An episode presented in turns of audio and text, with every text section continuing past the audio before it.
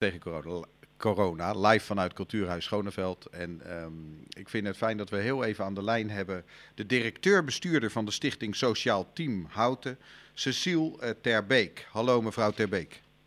Goedemiddag. Hallo, fijn dat u er even bent. Uh, misschien kan u heel even kort uitleggen. U gaat over het Centrum voor Jeugd en Gezin en u gaat over de uitvoering van de WMO. Eigenlijk komt het erop neer dat u als een van de weinige partijen in Houten alle zorg die uh, gezinnen hebben, uh, probeert te ondersteunen. Ja, dat, uh, dat klopt. Wij zijn de toegang tot de uitvoering van de jeugdwet en de uitvoering van de wet maatschappelijke ondersteuning, de WMO. Nou, kan en we hebben daarnaast nog een centrum voor jeugd en gezin voor preventieve ondersteuning voor jeugdigen. Nou kan ik me voorstellen dat in de afgelopen tijd er natuurlijk veel gebeurd is, hè, de coronacrisis enzovoort. En ja. wij hebben veel mensen in de uitzending gehad die dan uitleggen dat er uh, ja, bepaalde zorg niet meer geleverd kan worden aan huis. Hoe is dat voor mm -hmm. uw organisatie en voor de hulp die u te bieden heeft? Ja, wij, uh, wij zitten vooral uh, aan de voorkant van het leveren van de zorg. Dat betekent dat wij eigen begeleiding bieden aan, uh, aan, inwoners van Houten. Plus ook soms indicaties stellen voor uh, tweede lijnsvoorzieningen. Zoals bijvoorbeeld uh, thuiszorg, maar ook jeugdzorghulp bij een zorgaanbieder. daar zijn wij de toegang voor. Ehm, wij hebben uiteraard cliënten allemaal in begeleiding. en wij zijn eigenlijk al vier, vijf weken volledig op thuiswerken overgegaan. Uh, alleen in uh, echt crisisgevallen uh, kunnen wij eventueel een fysieke, fysieke afspraak maken. Maar wij doen eigenlijk alles vanuit thuis. Dus mijn medewerkers, dat zijn er ongeveer 40, die hebben al hun cliënten telefonisch staan die hen bij. En is dat aantal toegenomen? nee, dat aantal is niet toegenomen. Dus we, eigenlijk onze toegangstelefoon ook, die loopt gewoon door. Dus wij merken dat uh, bij jeugd uh, de aanmeldingen gewoon blijven doorlopen, zij het iets minder.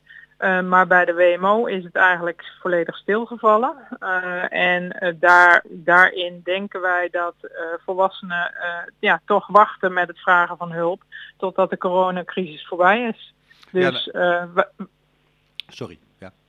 Ja. Wij verwachten nadat maatregelen zeg maar uh, weer versoepeld worden, verwachten wij echt wel een boeggolf aan aanmeldingen, vooral bij uh, de WMO.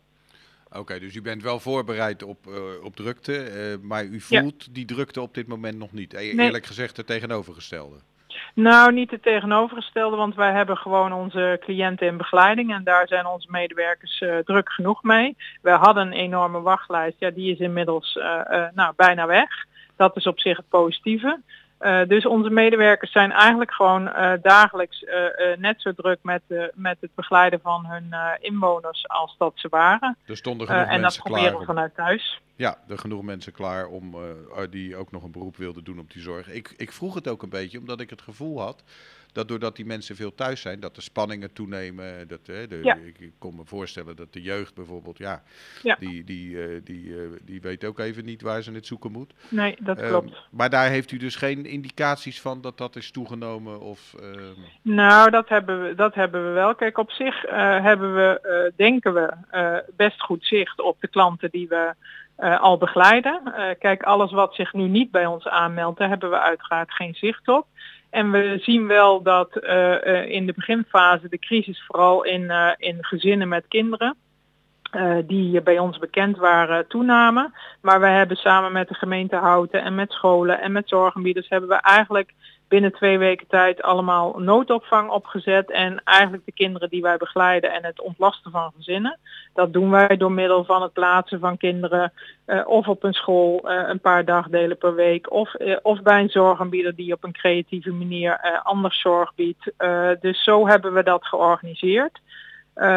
En binnen de WMO is dat iets ingewikkelder, omdat de vele dagbestedingen zijn dicht. Dus wij maken ons wel wat meer zorgen over ja, alle mantelzorgers bijvoorbeeld die, uh, nou, die thuis voor bijvoorbeeld hun demente partner moeten zoeken, zorgen. Dus daar hebben we wel contact mee, maar die dagbestedingen ja, die zijn veelal dicht, dus dat maakt het ingewikkeld. En uh, krijgen die mensen wat extra aandacht in deze tijd? Ik bedoel, worden die wat vaker gebeld? Of? Wij, uh, wij hebben in ieder geval, wij bellen zeg maar uh, de mensen die, uh, die wij kennen, die bellen we regelmatig. Dus daar hebben we gewoon ook afspraken mee gemaakt. Hoe vaak willen jullie gebeld worden? We zijn in principe bereikbaar. Maar soms is dat heel moeilijk inschatten aan de telefoon wat iemand nodig heeft. Of soms is het heel lastig om überhaupt zeg maar, iemand uit het netwerk te spreken te krijgen, omdat degene aan de telefoon dat niet altijd begrijpt. Of niet goed door kan geven. Ja, en wij kunnen niet zomaar mensen gaan bellen die we niet kennen, zeg maar. Dus dat maakt het voor de volwassenen wel ingewikkelder, vind ik. Is het een, een lekker gevoel voor u mensen dat het werk wat jullie doen, of het goede werk wat jullie doen, dat dat nu zo zichtbaar is? Um, ja, ik denk dat onze medewerkers altijd wel het gevoel hebben dat zichtbaar is dat zij goed werk doen. Uh, kijk, ik merk wel dat, dat gezinnen en, en ook ouders uh, en volwassenen het enorm gewaardeerd hebben. Dat ze meteen gebeld werden. Dat, dat er wat extra contact is. Uh, ik heb al meerdere malen gehoord dat ook ouders zeiden van nou wat fijn dat je ook een keer nu naar ons vraagt. Uh, dus ja, ik merk wel dat het op prijs wordt gesteld dat onze medewerkers uh, intensief gewoon door blijven gaan met uh, nou ja, waarvoor uh, we ze in dienst hebben genomen. Wat zijn de dingen uit deze periode die u graag gaat meenemen in dadelijk als alles weer rustig is in uw werkwijze?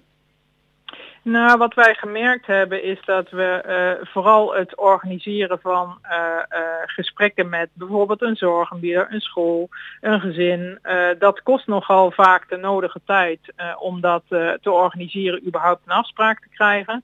Ehm, en het kost natuurlijk ook reistijd om erheen te gaan. Dus wij zien op zich daar wel mogelijkheden om wat vaker, zeg maar, bijvoorbeeld met beeldbellen.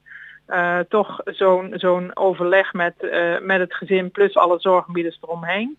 Om dat uh, op die manier te organiseren als, als inwoners dat ook zouden willen. En zo voorkom je misschien dat de wachtlijsten terugkomen?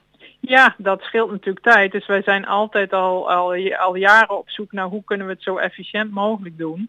En dat scheelt inderdaad tijd. En alles wat tijd scheelt betekent dat je weer nieuwe cliënten kunt helpen.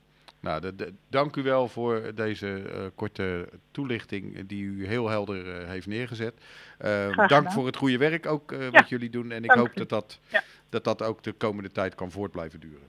Ja, gaan we zeker doen. Okay, en u succes met uw uitzending. Oké, okay, heel goed. Dank u wel. Oké, okay, tot ziens. Dag. De Houten in de Gaten blaad.